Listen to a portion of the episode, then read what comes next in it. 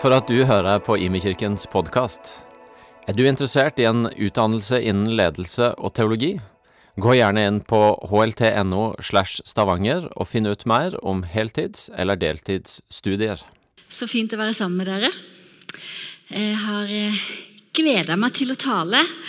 Og når jeg blir spurt hele uka av forskjellige folk «Eh, hva skal du tale om, og så sier jeg jeg skal tale om Jesus. Og så sier de ja, men det, det, er jo alltid det, men hva skal du tale om? Nei, jeg skal tale om Jesus. Ja, men hvilket tema har du? Nei, temaet er faktisk Jesus. Så folkens, det blir Jesus. eh, og jeg har kalt talen for 'Hvorfor Jesus'. Og eh, i høst så har jeg hørt jeg lager meg en ny spilleliste hver høst på Spotify. Og I høst har det vært utrolig mange sanger som omhandler Jesus. Eh, hvem han er, eh, hvem vi er i han, og hva vi har i han. Så eh, det har bare gitt meg en sånn der, eh, back to basic. At eh, herlighet er Jesus det handler om. Det er hvem vi er i han, og hva vi har i han, og hvem han er. Det dypest sett handler om. Så hvorfor Jesus? Det første jeg har lyst til å si noe om, det er at eh, Jesus han elsker. Og Flere steder i Bibelen så står det at vi har alt vi trenger i Jesus. Det står at det er bare én som kan fylle oss helt. Eh, det er bare én som kan gi oss den dype freden, eh, stille våre lengsler og møte våre behov. Og Jeg vet ikke hvordan det er med dere, men ofte så kan jeg glemme det. Og så kan jeg kave med mitt eget og prøve å ordne opp eller et eller annet. Men så er det jo Jesus som kan gjøre alt det. Og Så står det i Efeserne at før jordens grunnvoll ble lagt, så var du i Guds tanke. Du var hos Gud før han skapte noe annet. Da var du hos Gud. Og så var du hos Gud i hans tanke, ikke som en tjener, men som sønn og som datter og som barn.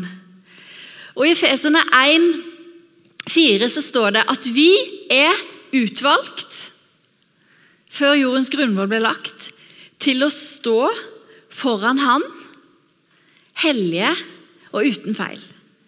ikke det fantastisk? Det var sånn Gud tenkte om oss før han skapte jorda. Vi ble skapt av Han som er far, til å tilhøre Han og være hans barn. Og du er ingen tilfeldighet, du er ikke en feil, men du ble skapt av Han som elsker deg. Eh, og det essensielle i troa vår er faktisk at Gud elska deg så høyt at han valgte å sende sin sønn i døden sånn at du skulle få lov av evig liv. Det er jo en helt enorm kjærlighet. Og Det er faktisk så enormt at vi kan ikke fatte det. og Det står det også i Bibelen. At vi ikke kan fatte og begripe Guds kjærlighet. Og Så sier Bibelen noe om at vi som er foreldre, vi aner egentlig ikke Selv om vi elsker barna våre, så aner vi egentlig ikke dybden av hvordan Gud elsker oss. Gud kaller oss for sine barn.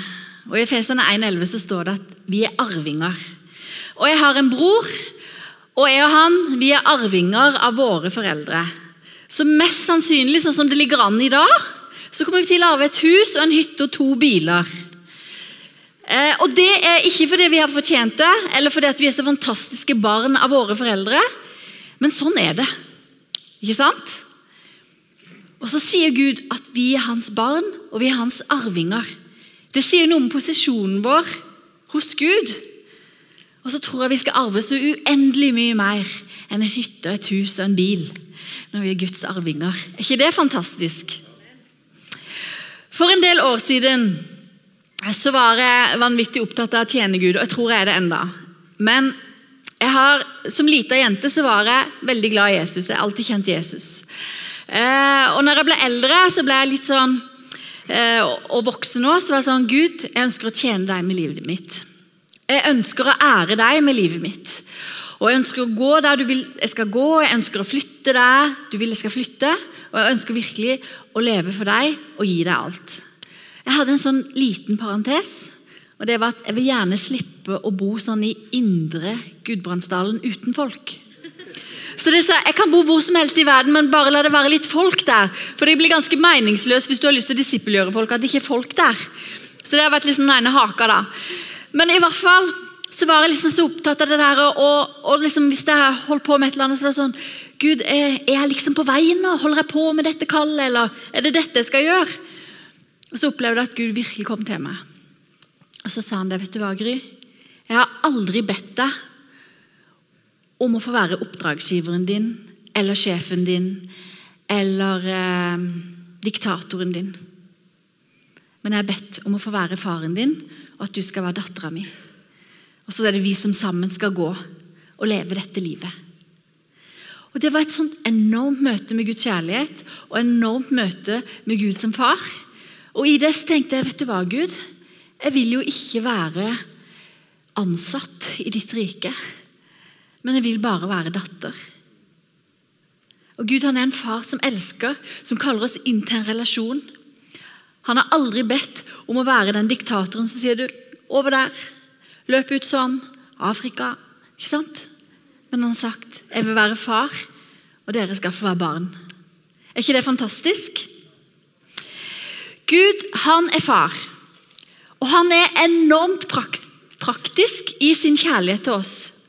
Han sier ikke bare disse fine ordene i Johannes 3, 16, men han sendte faktisk sin sønn i døden for oss.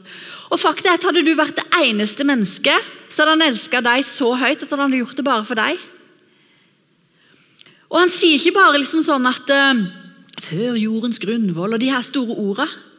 Men han er enormt praktisk i sin kjærlighet. Og når Jesus døde på korset og sto opp igjen og skulle opp til himmelen, eh, og sitte ved Guds den allmektige Faders høyre hånd, så sier han, 'Jeg lar dere ikke være igjen her farløse.' Nei, nei, nei. Jeg gir dere Den hellige ånd, som pant på troa deres. Den skal bo ved troa i deres hjerter. Og vet du hva han? Han skal si dere hva dere skal gjøre. Han skal lede dere. Han skal eh, være rådgiver. Så Gud har ikke latt oss farløse her nede på jorda, men har gitt oss Den hellige ånd og for meg er det praktisk kjærlighet. Og så er vi aldri alene. Du kan lese om i Salme 139 der vi liksom sånn Hvordan skal vi flykte fra deg, Gud? Om vi er i det dypeste mørket eller på det høyeste høyden, eller hvor enn vi er, så nytter det ikke å flykte fra Gud. For han er alltid, alltid nær. Og Vi kan gjerne si ja vel, jeg velger å ikke tro på deg, Gud. Men han er like nær. Det nytter ikke å flytte fra Gud. Og Hans utgangspunkt er alltid å strekke ut hånda og være der og hjelpe oss og elske oss. Jeg har skrevet ned noen setninger eh, om Guds praktiske kjærlighet. Og så er de setningene veldig bra, syns jeg sjøl. Og så er jo faktum at det er bare liksom så lite av uendelig med hva Gud er for oss i sin kjærlighet. Men ta litt av det. Han er den eneste vi kan bygge livet på, som holder. Han er den eneste som kan gi oss det vi trenger når livet rakner. Han er den som skapte oss, og som kjenner oss. og Det står at han har vevd sammen vårt indre. Han kjenner våre dypeste tanker. Og han forstår oss fullt ut. Og han kan, som ingen andre, møte oss på livet. Og han er den som gir håp når alt håp er ute. Og jeg vet ikke om dere hører på nyheter av og til. Eh, men av og til på nyhetene så hører du sånn Ja, eh, de har ennå håp om å finne flere overlevende. Og Så går det to timer, og så sier de eh, det er enda håp, men håpet svinner. Så går det en stund til, og så hører du Nå har de ikke lenger håp om å finne. Ja da, ja da, ja. Men hvis vi setter vår lit til Jesus, så er det aldri sånn at håpet svinner. Men det er et håp som alltid står fast. Han er den som forstår og kjenner oss og vet når vi ikke vet. Og så gir han svar. Han er vår forsørger, han gir oss det vi trenger. Og Det står så mange ganger at vi ikke trenger å bekymre oss, for han har omsorg for oss. Jesus elsker, og han er så praktisk i sin kjærlighet. Og det er bare han som kan stille våre dypeste behov. Og vi er kalt til å gå i tospann med Jesus i ting vi gjør, i livet vi lever. Og Jesus elsker, men vi må slippe han til i livet våre, og vi må slippe han inn i livet våre. Og så er jo fakta at vi er elska før vi kom ned på denne jorda. Og så er vi elska mens vi er på denne jorda. Og så er vi òg elska inn i evigheten. Og Noen de finner kanskje meninga med livet med å nyte naturen. Noen de finner meninga med livet ved å gå på alle Liverpool-kampene. Og Noen de finner mening i livet i yoga og trening osv. Og, og det er helt fint, og det er ingenting galt med det. Men Jesus er den som virkelig gir livet mening. Og vet du hva? Når vi har med Jesus å gjøre, så gir han ikke bare livet mening. Men Jesus er faktisk den eneste som gir døden mening. Vi skal ikke dø, men vi skal få leve med Jesus til evig tid. Og Når vi har med Jesus å gjøre, så blir selv døden meningsfull. For der skal vi være sammen med Jesus og våre i himmelen, hvor det bare er godt, hvor det ikke er noen tårer, hvor det ikke er noe lengsel, hvor det er ingen sorg, hvor det er glede og hvor det er fred. Og jeg er så takknemlig for at jeg har Jesus.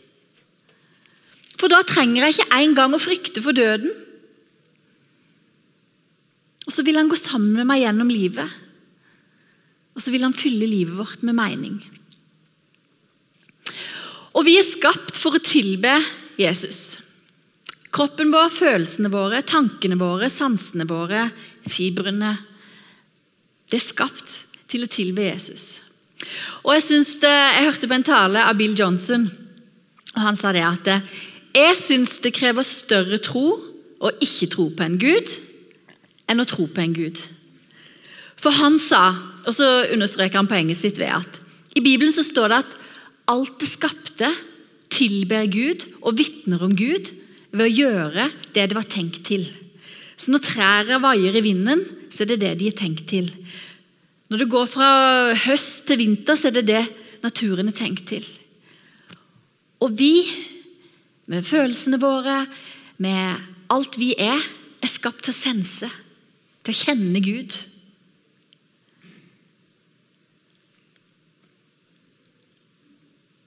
Alt det skapte vitner om hans storhet, står det. Og Det går ikke an å flykte fra Gud. Han er der. Jesus er trofast. Han elsker deg, han er alltid med deg, og han er alltid nær. Og Lenge før han skapte jorda, så tenkte han på deg, og så var du allerede da elska. Du var elska da, du er elska nå, og du vil bli elska inn i evigheten. Og det at du er du, er faktisk ingen tilfeldighet. Og du er skapt sånn som du er skapt fordi at Gud ville ha deg sånn. Du er ingen feil.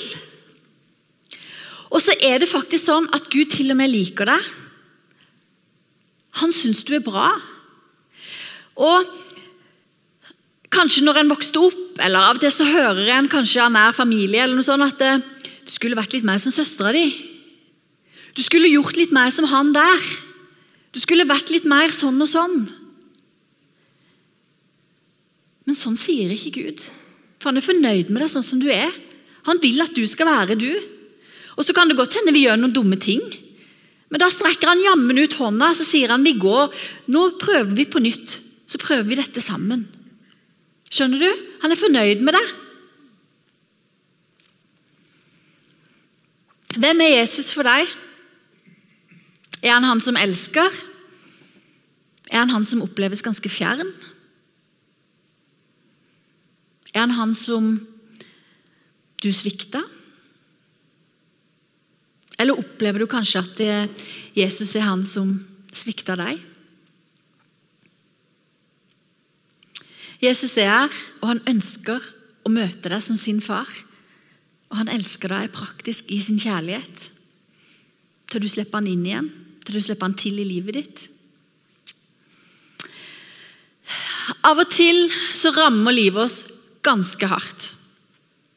For noen år tilbake så ramma livet mitt meg ganske hardt. Og jeg fikk oppleve noe som jeg aldri trodde jeg skulle oppleve. Og Av og til så opplever du en sånn sorg som det blir skrevet om i avisa. ikke sant? Hvis noen dør, eller noe, så kommer det i avisa. eller andre ting. Og så Av og til så opplever du litt sånne sorger som du ikke kan dele fra en talestol. Og så blir det en litt sånn ensom sorg. Og En sånn situasjon var jeg. Og en ting var det jeg sto i, men jeg var så enormt skuffa over Jesus. Jeg syns ikke han hadde stilt opp. Og jeg syns ikke han hadde levert på noen som helst måte som jeg hadde forventa at han som er Gud og min beste venn, hadde gjort. Og det var forferdelig vondt. Parentes igjen. Jeg syns jo Gud får skylda for utrolig mye rart i verden som ikke er hans skyld. Men endog. Jeg kunne ikke late som jeg ikke var skuffa, og ganske Ja. Så jeg sa det her til Jesus. Jesus, jeg kan ikke fornekte at du lever, for jeg har erfart så mye med deg. At jeg kan ikke la være å tro på deg. Jeg vil til himmelen. Men jeg vet ikke om jeg klarer å forholde meg til deg igjen. For jeg er så skuffa. Og det var så vondt. Og så bare stilna det litt i livet mitt. Så begynner jeg jo å erfare da, noe som jeg egentlig ikke visste. Og det var at eh, jeg, jeg erfarer noe som jeg ikke visste. ja, jeg sa det, At jeg snakker jo med Jesus hele dagen. Og så var det sånn, Jeg sto opp om morgenen så begynte jeg å si et eller annet til Jesus. så var det bare, å nei. Se for dere litt sånn to venninner som har krangla. Det var nesten litt på det nivået, bare det var ekstremt vondt. Å nei, jeg snakker jo ikke med du, nei. Litt sånn. Og så erfarer jeg jo da jeg er ute og løper. Så hører jeg meg sjøl snakke høyt. Jeg visste ikke at jeg snakka høyt med Jesus når jeg er ute og løp. Og så bare å, å ja, nei, jeg snakker jo ikke med deg. Og sånn var det hele dagen. Så etter hvert så bare tenker jeg at eh, jeg har mista min beste venn. Og visste ikke at han var min beste venn på den måten. Eh, og Det gikk flere måneder, og så begynte jeg å tenke at enten så må jeg finne ut av dette, eller så må jeg jo slutte i jobben min. Det var ganske vanskelig å jobbe på akta. Eh, og skulle disippelgjøre unge mennesker og lære dem opp i tro og be for, Jeg peker, for her sitter de, liksom. Be for og med dem. Der jeg egentlig ikke ville forholde meg til Jesus. Og så tenkte jeg hvis jeg ikke finner ut av det her, så kan jeg jo ikke bare finne meg et nytt yrke. Jeg må ta en ny utdannelse for å utdanne meg i forhold til dette. Og så kom jeg til en dag hvor jeg sa til Jesus Vet du hva, Jesus? Jeg måtte liksom gni det litt inn. Jeg er vanvittig skuffa. Og jeg syns ikke du har stilt opp eller levert. Men jeg kan ikke leve uten det. Jeg, jeg, jeg, jeg savner det. Og så sa jeg jeg vet ikke hvordan det kan se ut, men kan vi prøve å få det til igjen? Så begynte vi å gå sammen. Så opplever jeg at jeg får min aller, aller beste venn mer og mer tilbake. Og så vet jeg at det ikke er Guds skyld, og så vet jeg at uh, Gud er større enn det, og vi ikke kan forstå Gud, og hele den pakka der. Men jeg kunne ikke late, kunne ikke late som det når det var sånn jeg hadde det. Og så tålte Gud det òg. Og Det er ikke sikkert din historie med Jesus er som min.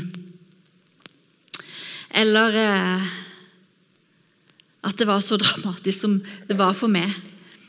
Men kanskje Jesus er bare blitt litt fjern for deg fordi hverdagen, hverdagen tar deg. Mas og jag og alt du holder på med, bare tar deg. Eller kanskje du har glemt å regne med Jesus i hverdagen din. Kanskje du bare har glemt Jesus litt. Jeg vet ikke. Men jeg spør igjen hvem er Jesus for deg? Vil du slippe han til? Vil du la han være den han vil være i livet ditt?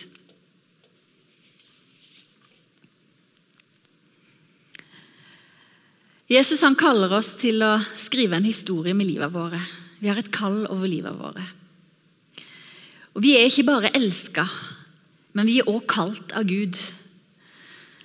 Eh, og så er det ingen motsetning i at Gud er far, og vi går sammen med han som barn, og at vi også har et kall. Jesus kaller oss til å elske hverandre. Han, skrev, han, har skrevet ganske mye om kall i Bibelen. Eh, og Skulle vi levd ut alt det han kaller oss til i Bibelen, så hadde det vært nok kall til å leve i det kallet hver dag, hver time, resten av livet. Bibelen sier at vi skal, vi skal hjelpe enkene. Vi skal ta oss av de som er foreldreløse. Vi skal gi til de fattige. Vi skal gi til de trengende. Vi skal trøste de sørgende. Vi skal gi mat til de som er sultne. Vi skal be for de syke. Og vi skal dele oppmuntrende ord med de som er nedtrykte, sånn at de kan bli oppmuntra. Og Bibelen sier jo òg 'be alltid'. Det er utrolig mye kall der. Og Ofte på akta, når jeg, når jeg snakker om kall, så er det mange jeg snakker med som sier Men Gry, jeg vet ikke hva kallet mitt er. Og Så sier jeg men hvis du leser Bibelen og begynner å leve ut det som står der, så vil du ha masse kall å leve i. Men så tror jeg òg at Gud har lagt ned i oss evner og talenter, brann, lengsler som vi har lyst til å leve i. Og så prøver vi sammen da, eh, på akta å finne ut ja, hvordan kan det se ut å leve i et kall. Hvordan kan det se ut at Gud kaller oss? Og så jobber vi med det. Eh, Gud kaller oss. Jeg elsker å være på fjellet. Om det er snø eller om det ikke er snø, så elsker jeg å gå enten på ski eller på tur på beina. Og jeg elsker å være ute. Jeg elsker å sove ute og spise mat ute og lage mat ute. Og når jeg er på fjellet, så blir jeg litt sånn høy, litt euforisk. Og så Av og til så blir jeg litt sånn flau, for at, eh, jeg klarer ikke å la være til en snapper, for jeg blir liksom så høy. Og så bare tenker å nei, nå vet alle at nå er Gry på fjellet igjen, og nå ble vi spamma med snapper og det som er neste uka. Og Når jeg er på fjellet, så kan jeg kjenne sånn inni meg jeg er på mitt absolutt lykkeligste. Jeg bare elsker det. Og så er det litt rart, og dette kan jeg ikke forklare, men jeg kjenner samtidig, der jeg er på fjellet på det lykkeligste, og jeg tenker trenger jeg dra hjem igjen? Kan jeg ikke bare leve fra topp til topp? Ikke sant? Og så kjenner jeg sånn dypt inni meg, langt, langt inni meg, nedi her. Men jeg kan ikke leve for det. Og Det er så rar opplevelse av å bare kjenne at jeg elsker det så, og samtidig bare kjenne sånn langt i ryggmargen jeg kan ikke leve for det. Det beriker livet, og det er enormt gøy. Men det gir ikke livet mening, for jeg har møtt han som gir livet mening. Og det er så mye dypere enn en fjelltopp. Og det er så mye mer verdifullt enn en fjelltopp. Vi er akkurat kommet ut av en koronaepidemi, og vi overlevde. Eh, og når korona traff, så ble vi på mange måter satt ut av alt det vi holdt på med. og Det var hjemmekontor, og vi kunne ikke holde på med de fritidsaktivitetene vi holdt på med. Dere vet det, vi, vi holdt på med dette sammen. Og så ble Det jo sånn at det, det, her var det jo masse i avisen om at folk pusser opp, og folk fikser opp hagene sine, og folk kjøper hytter. Og Nordmenn har vel aldri vært så mye på tur og grilla så mange pølser som under koronaepidemien. Og så Jeg følte sjøl jeg hadde ikke så mye ekstra tid, fordi at jeg prøvde å drive en skole under korona, og det var jo en himla jobb! Så vi drev skole fra pressemelding til pressemelding. Så på slutten så endret jeg Min tittel er sånn undervisningsleder, men til slutt så ble jeg endringsminister. Eh, og Det gjaldt både program, innhold og hvilket rom vi kunne være i som var stort nok til å holde nok avstand. Så for meg var det ganske travelt. Men så gikk jo denne epidemien over, og vi begynte å gå tilbake til det normale. Eh, og så merka jeg, og jeg snakka med en del som egentlig syntes at dette nye livet var ganske komfortabelt. Det var deilig med de lange frokostene, det var deilig med det rolige livet. Det var deilig å dra på hytta, eller det var deilig å se serier. Så merka jeg litt det. Og så i høst så syns jeg det har vært veldig kult. For jeg snakka med utrolig mange folk. Utrolig mange, ja. Jeg har egentlig gjort det. Jeg måtte bare tenke om jeg overdrev her. Men jeg har snakka med mange folk som har sagt setninger som dette. Nei, eh, vi kjenner nok på det at vi må komme litt i gang igjen. Vi kan ikke bare sitte og holde på med dette. Vi må jo engasjere oss i noe. Eller folk som sier nei, det blir jo litt tamt og så være på den hytta helg ut og helg inn. Vi må ha et engasjement og, og være med på noe mer enn bare dette. Og Det som folk gir uttrykk for, er at det var kjekt. Men livet har en dypere mening enn å bare ha det koselig og grille pølser.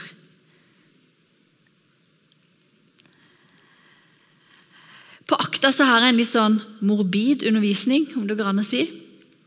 Eh, vi snakker mye på Akta om det der at eh, vi må vite hvem vi er, før vi finner ut hva vi skal gjøre. Og Det bruker vi litt tid på. Hvem er jeg? Hvem er det viktig at jeg er? Karakteren min, integriteten min. Og Ut ifra det så kan vi finne ut hva vi skal gjøre. Og så Inni det så har vi en undervisning med en som heter Andy Stanley. Han er eh, en leder, han skriver masse bøker. Han er utrolig dyktig. Kristen fyr fra USA.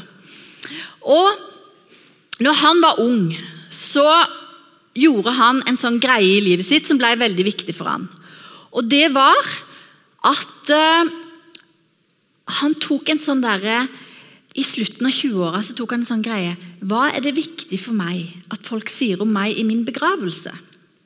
Det er jo litt spesielt å gjøre når du er i slutten av 20-åra. Og Så begynner han å skrive, han begynte å jobbe med dette, for det var viktig for han å finne ut. Eh, og så Etter hvert som han jobba mye med dette, så var han egentlig litt sånn overraska. For det var veldig få setninger som handla om Han hadde et utrolig fint, moderne, støvfritt hus.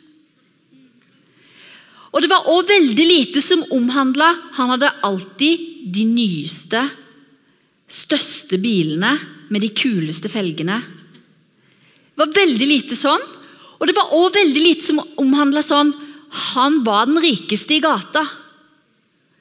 Eller han hadde de fresheste skoa. Og, og, han var litt sånn Dette her er egentlig veldig rart, for det er jo dette vi egentlig holder på med.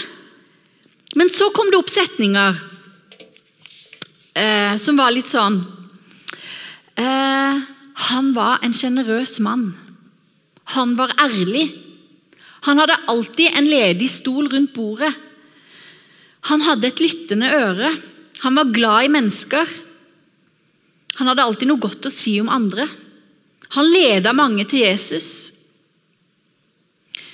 Og så er Det jo sånn, folkens, at det er aldri en motsetning med å ha et stort, fint, moderne, støvfritt hus og det å ha en ledig stol rundt bordet. Det komplementerer jo hverandre. Men hans poeng var han ville leve for det som var viktig for han. Og Når du koker ned til det, hva vil du leve for? Hva er det som blir viktigst i ditt liv å leve ut? Hvilken historie vil du skrive med ditt liv? Og Når Jesus elsker deg, og han er god og han er for deg, og han alltid vil gå med deg, og han vil hjelpe deg, og han kaller deg Og vet du hva, Jeg kan love deg 100% med 100% sikkerhet at Jesus har et kall over livet ditt. Hvilken historie kaller han deg til å skrive med ditt liv? For meg så er det liksom forskjellige ting, men jeg kjenner liksom jeg har en sånn utrolig brann for at folk i denne byen og folk rundt meg skal få lov å erfare at Gud er god. At han ikke er en sånn, men at han er en utrolig god Gud som elsker. Og så kjenner jeg jeg brenner vanvittig for å disippelgjøre unge mennesker. Og da passer det veldig greit for meg å jobbe på Akta. Ikke sant? Og så har Gud kall over deres liv, og han har skrudd dere sammen sånn at det skal passe inn. Og så tror ikke jeg at vi alle skal jobbe her inne, for det hadde jo blitt veldig rart. Men vi skal få lov å leve ut kallet der vi er, med våre liv, der vi lever livet våre. ikke sant? Og så sier jeg til Øystein at jeg syns han har det egentlig lett med det her med kall. For at han er glad i musikk, han er flink med musikk, han er musiker, han lever som musikkpastor, og han får lønn for det. Ikke sant? Det er ganske lett på en måte. Og så er det ikke alle som har det sånn. Eh, men du kan være sikker på at Gud har et kall over livet ditt som du skal få lov å leve i, og at du skal få lov å bety en forskjell med livet ditt. Vi skal alle skrive ulike historier, og jeg vet ikke hvilken historie du skal skrive. Og jeg vet ikke helt hvordan min historie heller blir. Vi har ingen perfekte liv. Og livet er til tider utrolig tøft og utrolig hardt. Bare fordi vi lever i denne verden. Men vi er på tross av det kaldt. Jeg har en kamerat eh, som eh, for mange år siden jobba som pastor. Eh, og Han var bare en sånn utrolig dyktig forkynner. Og Så blir livet ganske hardt og brutalt. Og så går han ifra kallet sitt. Jeg tror ikke han går fra Gud. Og fra kona si. Og Så finner han seg en ny kone og får nye barn. Og så lever han nok ganske vekk fra Gud, selv om jeg tror det ligger en tro i bunnen. Og så For noen år siden så bare møter Gud han, ganske uventa. Eh, og der han får et nytt møte med Guds kjærlighet. Og der han får et nytt møte med en Gud som sier ja, men jeg har jo aldri gitt opp kallet. Det er jo du som ga opp kallet. Jeg har aldri gitt deg opp. Og Så reiser han nå litt sånn rundt og forkynner, og begynte å finne tilbake igjen til det som han, han føler han er skapt til. Og så er vitnesbyrdet hans om en Gud som er vanvittig nådig og aldri ga han opp. Gud gir oss ikke opp. Han gir ikke opp kallet vårt. Hvilken historie vil du skrive med livet ditt? Det tredje jeg skal si noe om, er alt vi trenger, er Jesus, hverandre og menigheten. Jeg skjønner at det er litt karikert, for vi trenger andre ting òg. Sjokolade og kaffe. Veldig viktig. Men alt vi trenger, er Jesus, hverandre og menigheten. Du skal aldri gå alene. Du er kalt og sendt sammen med noen. Og Kanskje ditt kall er å være med på det som skjer i denne menigheten her. Og Da må du huske å koble deg på, så du ikke går glipp av det. Og Jeg tror at vi er flokkdyr. Jeg tror ikke at vi skal finne ut liv og kall alene. Jeg har så tro på fellesskap, og jeg så tro på et felles vi. Et felles folk som går som vi er, med våre styrker og med våre svakheter sammen. Og jeg synes Irene sa det så bra på den siste episoden av Sprengkraft. Der hun sier at eh, Av og til så sier folk til meg ja, men dere er jo så perfekte, Imi. Og så sier hun vi er slett ikke perfekte. Da må dere komme og bli kjent med oss, så får dere se hvordan vi er. Men vi er i hvert fall veldig glad i Jesus. Og vet du hva? Vi er ikke perfekte. Det er ikke det det handler om. Men vi skal få lov å stå sammen med den vi er, og så skal vi være der og støtte og backe hverandre. Samfunnet vårt er vanvittig individualistisk. Kanskje ikke vært så individualistisk før som det er nå. vet ikke. Men det handler om å finne deg sjøl, det handler om å finne din indre stemme, det handler om å finne ut hvem du er, og jeget, og være tro mot jeget. og Det er veldig mye fokus på det. Og, og det er nok bra, og det er nok også nødvendig.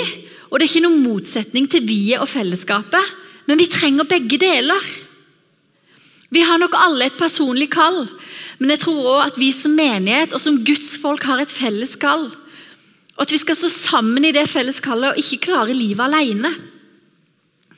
Og Jeg har blitt så takknemlig og så oppmuntra av serien som vi har hatt i høst, av Sprengkraft. Og Hvis du ikke har sett den, så må du gå hjem og se den. Fordi at eh, jeg blir ekstremt takknemlig for det som har vært, og det som jeg har fått lov å være med på, men òg det som var før jeg ble med her.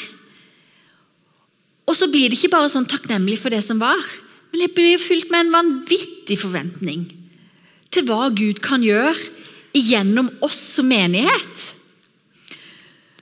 Og tenk liksom hva Gud kan gjøre gjennom denne menigheten de neste 20 åra. Hvordan ser det ut at vi skal få være med på det? Hvilken historie har vi sammen her inne, vi her? Hvilken historie har vi skrevet da? Eller hva ønsker Gud å gjøre gjennom oss som menighet i byen de neste 20 åra? Hvordan er byen? Hva har skjedd i byen vår? Fordi at vi står sammen i dette felles kallet. Og jeg elsker at Egil Svartdal på slutten av serien sa dere i IMI, og så sammenligner han oss med en båt, har en dyp kjøl. Dere kan heise flagga Nei, flagga, ja. Dere kan heise seila høyt til værs, og dere tåler en storm. Jeg gleder meg, og så er jeg så spent og så er jeg så full av forventning. Denne byen trenger Jesus, og vi så inderlig gjerne at denne byen skal få lov å se og møte en Gud som er god, som elsker dem, som er praktisk i sin kjærlighet, og som er trofast. Og vi er en menighet som Gud sammen kaller til å vise byen vår Gud. Hvordan skal det se ut de neste 20 åra? At vi står sammen i ett kall, som ett folk. I Guds ord så står det at han er far, og at vi er søsken. At vi er brødre og søstre. Og så er vi kalt til å leve i enhet med hverandre. Jeg gleder meg, og jeg syns det er så gøy og spennende at vi skal få lov å gjøre dette sammen. Jeg skal avslutte. Vet du hva? Gud elsker, og du er så elska. Du er ikke en feil, du er ikke en tilfeldighet, men du er skapt av Gud, og du er elska av Gud. Og Gud har en praktisk kjærlighet for deg. Hva betyr det i ditt liv at du er elska? Jesus kaller deg til å skrive din historie og hans historie med ditt liv. Hva, hva vil det si for ditt liv? Hva vil det si inn i ditt liv at du har et kall? At han har lagt ned i deg gaver og talenter som du skal få leve ut, og at du skal få være deg i det. Og Han kaller deg ikke til å få livet på stell eller få livet perfekt, eller at livet må bli sånn eller sånn, men han kaller det her, nå, i dag. Og det begynner nå. Ikke om 20 år eller om 10 år når du har hus og familie eller når ungene har flytta ut. Eller. Det er nå, liksom.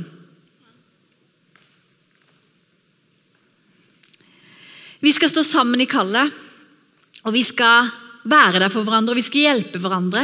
Og så skal vi vise denne byen og dette landet at Gud er god. og At han elsker, og at han er praktisk og trofast i sin kjærlighet. Vil dere være med på det? Jeg begynte denne talen med å si 'Hvorfor Jesus?' Og Svaret mitt på hvorfor Jesus er egentlig ganske enkelt. For når vi koker ned til det, så er det fordi at Jesus er alt. Jesus er dypest sett alt vi trenger. Og han som vi dypest sett trenger, elsker deg overalt på jord. Jesus, jeg takker deg at du elsker. Og jeg takker deg, Jesus, for at det er ikke noe sted vi kan flykte fra deg. Jeg takker deg for at du går alltid med oss. Du er med oss i sorgen, du er med oss i gleden. Du er med oss i det vanskelige. Du er med oss når vi får tilgive, og du er med oss når vi ikke får tilgive Jesus. Og så takker jeg deg for at du angrer aldri ditt kall over våre liv. Og at du aldri sier vi må vente til det er sånn eller sånn i livet våre. Men du kaller oss, og du sender oss. Og så skal vi få lov å gå sammen med deg som en kjærlig far i kallet. Og vi skal få lov å være barn av deg i det kallet, Jesus. Jeg takker deg for denne menigheten. For at vi sammen skal få lov å skrive en historie de neste 20 åra. Og Jesus, jeg ber deg om at denne byen skal få lov å se at du er god. Skal få lov å erfare en Gud som gir livet mening. Som er verdt å leve for, som er verdt å gi livet sitt til.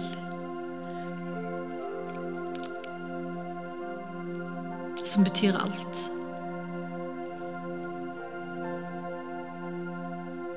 Takker deg, Jesus, for at du er så trofast.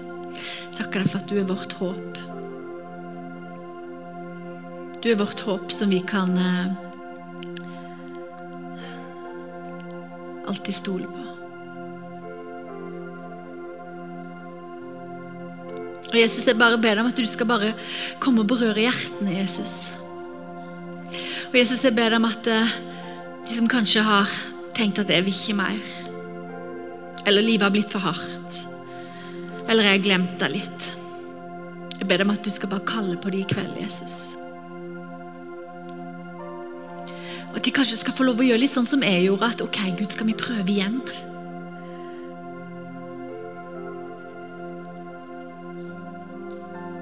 Kom, Jesus. Kom og møt hjertene våre, Herre.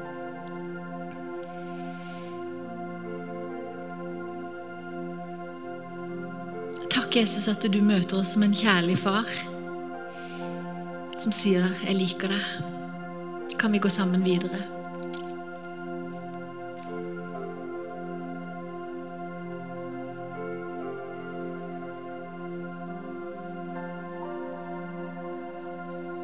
Du er så, så god.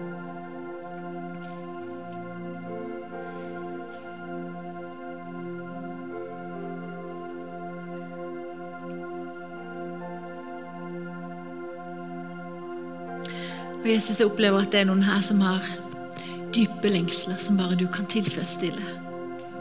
Jeg ber deg, Jesus, om at du skal komme og møte disse lengslene nå, Jesus. Jeg ber deg om at du skal møte dem på dypet, Jesus.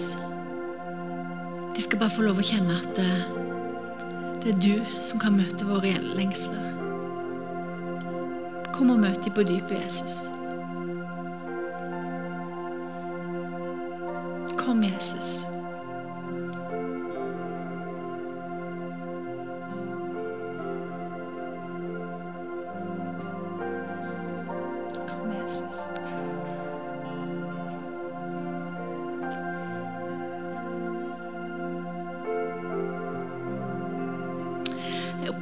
At uh, Gud er her. Jeg opplever at Jesus møter mennesker på forskjellige måter. Og så opplever jeg at Jesus sier at det jeg er en Gud som strekker ut hånda. Så skal du få lov å legge hånda forsiktig i min. Og så skal vi begynne å gå forsiktig. Gud er mild. Og jeg opplever liksom at Gud møter dere nå med en sånn mildhet.